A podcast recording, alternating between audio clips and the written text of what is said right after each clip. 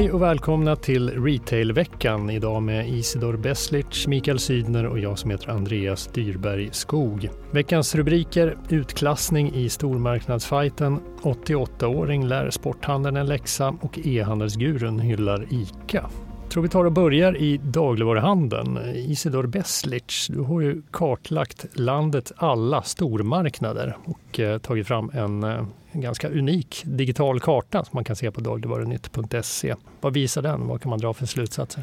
Den visar ju alla Sveriges i dagsläget 224 stormarknader fördelat då mellan eh, Stora Coop, ICA Maxi och eh, City Gross. Mm. Och eh, stormarknadsfighten sa jag i rubriken där. Vem vinner den? Tittar man på antalet enheter så kan man konstatera att Stora Coop eh, leder det racet med 91 stormarknader mot ICA Maxis 90 då. då. City Gross är ju fortfarande ganska små i, i den bemärkelsen mm. med endast 43. Om man tittar på de mätvärden som GFK förser oss med så kan man konstatera att ICA Maxi spelar eh, på många sätt i en helt egen liga. De har ju väldigt höga snittkvitton eh, sett eh, ojämfört framförallt då med Stora Coop och Citygross. Högst i handeln faktiskt, i dagligvaruhandeln. De har en, den högsta penetrationen och också den högsta lojaliteten. Mm. Så att ICA Maxi slår ju väldigt högt och klår egentligen motståndet i Stora Coop och Citygross. Även när man ser till snittomsättningen så kan vi konstatera att ICA Maxi per enhet ungefär omsätter 466 miljoner kronor per år. Mm.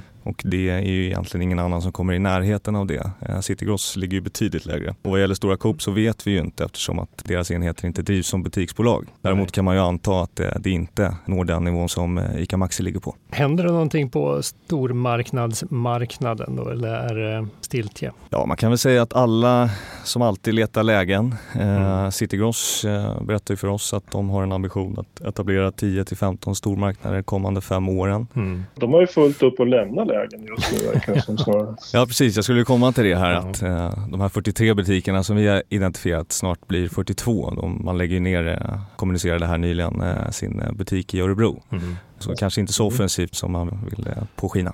De har ju fått helt andra muskler i och med delägarskapet eh, av Axfood och med eh, Dagab som eh, grossist nu för tiden. Men än så länge som sagt inte hänt jättemycket. Men om vi blickar framåt, finns det någon som kan hota ICA Maxis starka ställning? Jag har lite svårt att tro att någon faktiskt ska rubba den positionen.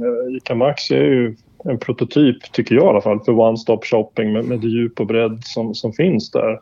Och trots att de har fått mycket kritik för priserna inom ICA så finns det ändå en lojalitet som är ganska hög. Folk åker dit och handlar det är liksom fortfarande den här säljmaskinen på något sätt. Och jag, jag, jag har svårt att tro att Coop eller Willys kan, kan rubba på den positionen på allvar. Vad gäller just Dagab och Axfood så säger ju Citygross att eh, det ger dem en möjlighet att etablera sig norr om Sundsvall. De har ju sin sista utpost där. Mm. Och eh, det är ju så även att ICA Maxi faktiskt är, är svagare eh, sett till enheter i norra Sverige. Över Sundsvall har man sex stormarknader medan Stora Coop driver hela 13 stycken. Så att kanske kan det bli lite av ett race där uppe. Samtidigt så mm. säger ju detaljhandelsanalytikern Per Andersson att kanske de två största boomarna sett till etablering etableringar kanske redan har ägt rum.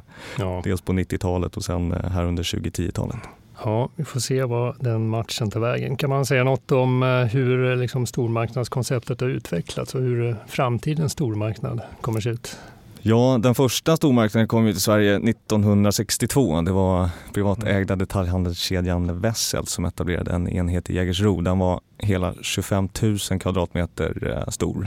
Och på den tiden så var ju tanken och konceptet kring stormarknaden den att eh, den skulle erbjuda dagligvaror men sen i princip allting annat också. Mm. Och idag så etableras ju betydligt mindre enheter eh, jämfört med då. Samtidigt så minskar också sortimentet för non-food som det ju heter. Och även i takt med att hyrorna går upp så kan man ju spekulera i hur det sortimentet kommer utvecklas. Det mm. kostar ju rätt mycket att ta eh, sån yta i anspråk. Ja, verkligen. Stormarknadskonceptet utvecklas ständigt och Eh, vi tar och går över från stormarknad till sportmarknad. Även där har vi sett eh, stora förändringar de senaste decennierna i sportbutikerna. Det var något som Mikael Sydner lyfte i en analys som tog avstamp i en 88-årig sporthandlare i Nyköping. Det är inte varje dag man skriver om eh, sådana handlare, va, Mikael? Det är första gången som jag har varit uppe på de nivåerna vad gäller ålder och det får man ju ha en oerhörd respekt för tycker jag. Han är oerhört framgångsrik i alla fall. Ja, exakt. Han var väl till och med den kedjan inom Team Sportia med eh, bäst lönsamhet. Va? Mm, det stämmer bra det mm. i vår kartläggning som kom här i veckan av Team Sportia-butiker. Exakt. Det där var ju spännande så att det där triggade igång någonting hos mig och, och då började jag fundera på hur ser sporthandeln ut egentligen? Och det finns ju en viss likformighet. Det, alltså, ibland kan man ju undra, är jag inne på Stadium eller är jag inne på Intersport? Det mm. hänger jackor överallt och utbudet är väldigt likartat. Ehm, och det där är ju i sig ingenting nytt. Så har det varit ganska länge och det, och det kanske funkar. Men, men, ibland så saknar jag att en sportbutik faktiskt är en sportbutik och inte så mycket en kläd och skobutik. Och mm. XXL är väl kanske den som haft mest sportprofil sedan de kom till Sverige, även om konfektionsutbudet känns, känns stort även där. Då. Och det var därför jag tyckte det var så befriande med 88-årige Lars Garfors då, som säger vi satsar på att vara en gammal vanlig sportaffär. Mm, precis. I det tänket så ser du också paralleller mellan Team Sportia i Nyköping och eh, Adidas flaggskeppsbutik i New York. Ja, där var jag inne en sväng 2017 och det är ju en gigantisk butik. Det är ju fyra våningar med sport och upplevelser. Eh, och då kan man ju undra vad finns det för gemensamt mellan de där två då? Men båda lyfter ju faktiskt fram den här grundidén som har gått lite förlorad, att vara en sportbutik. Man är ju där såklart på två väldigt olika sätt men det är ändå sport i fokus. Som, och det var lite kul för att jag, jag, fick ju lite eh, reaktioner på det här. Då. Bland annat fick jag ett mejl från en tidigare vd i detaljhandeln som skrev att det är så många kedjor och detaljhandlare som springer åt fel håll. Ditt exempel visar exakt vad det är frågan om. Att ha ett erbjudande som attraherar tillräckligt många konsumenter inom sitt eget upptagnings eller marknadsområde alldeles för många har helt missat den lilla poängen, skrev han. Det är tänkvärt. Eh, som Isidor ja. nämnde tidigare om stormarknaden, där ser vi också ett större liksom, fokus på kärnverksamheten nu, som är dagligvaror då, medan eh, specialavdelningarna krymper. Kanske får vi så småningom en liknande återgång för sportbutikerna. Det kanske kan bli en sportrevival på något sätt, ja. vem vet?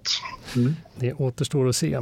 Hörrni, när vi går vidare, förra veckan hade vi på Market fullt fokus på e-handeln i vår temavecka E-handelns framtid. Eh, hela det paketet finns att läsa på market.se. I en av artiklarna så fick eh, e-handelsprofilen Nick Stager uttala sig om logistik och leveranser och eh, det gav visst blodad tand för eh, någon dag senare så damp det ner en krönika hos Mikael Sydner.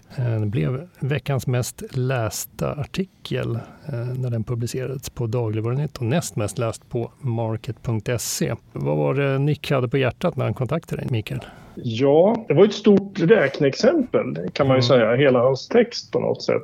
Ett oerhört intressant räkneexempel. Hans grundfundering var om inte ICA-paket är det största som har hänt svensk e-handel under 2023. Mm. Och så förde han ett resonemang kring det då. En av hans beräkningar var ju bland annat då att ehm, alla e-handelspaket får plats i ICAs nuvarande logistik. Ja, det är en ganska drastisk eh, tanken, men eh, när man tänker på det så är det ju kittlande också. Men eh, kan det bli en sån stor logistikrevolution som man han förutspår det här?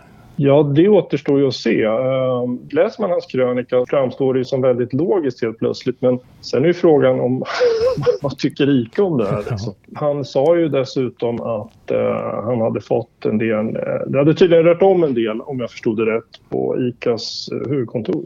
Skulle det här räkneexemplet bli verklighet så är det ju enorma volymer man pratar om som ICA då skulle hantera. Det var ju som du sa här Andreas, vi har ju pratat med lite handlare eh, titt som tätt som, som faktiskt har stört sig lite på de uh, otroliga mängder paket som de uh, måste hantera mm.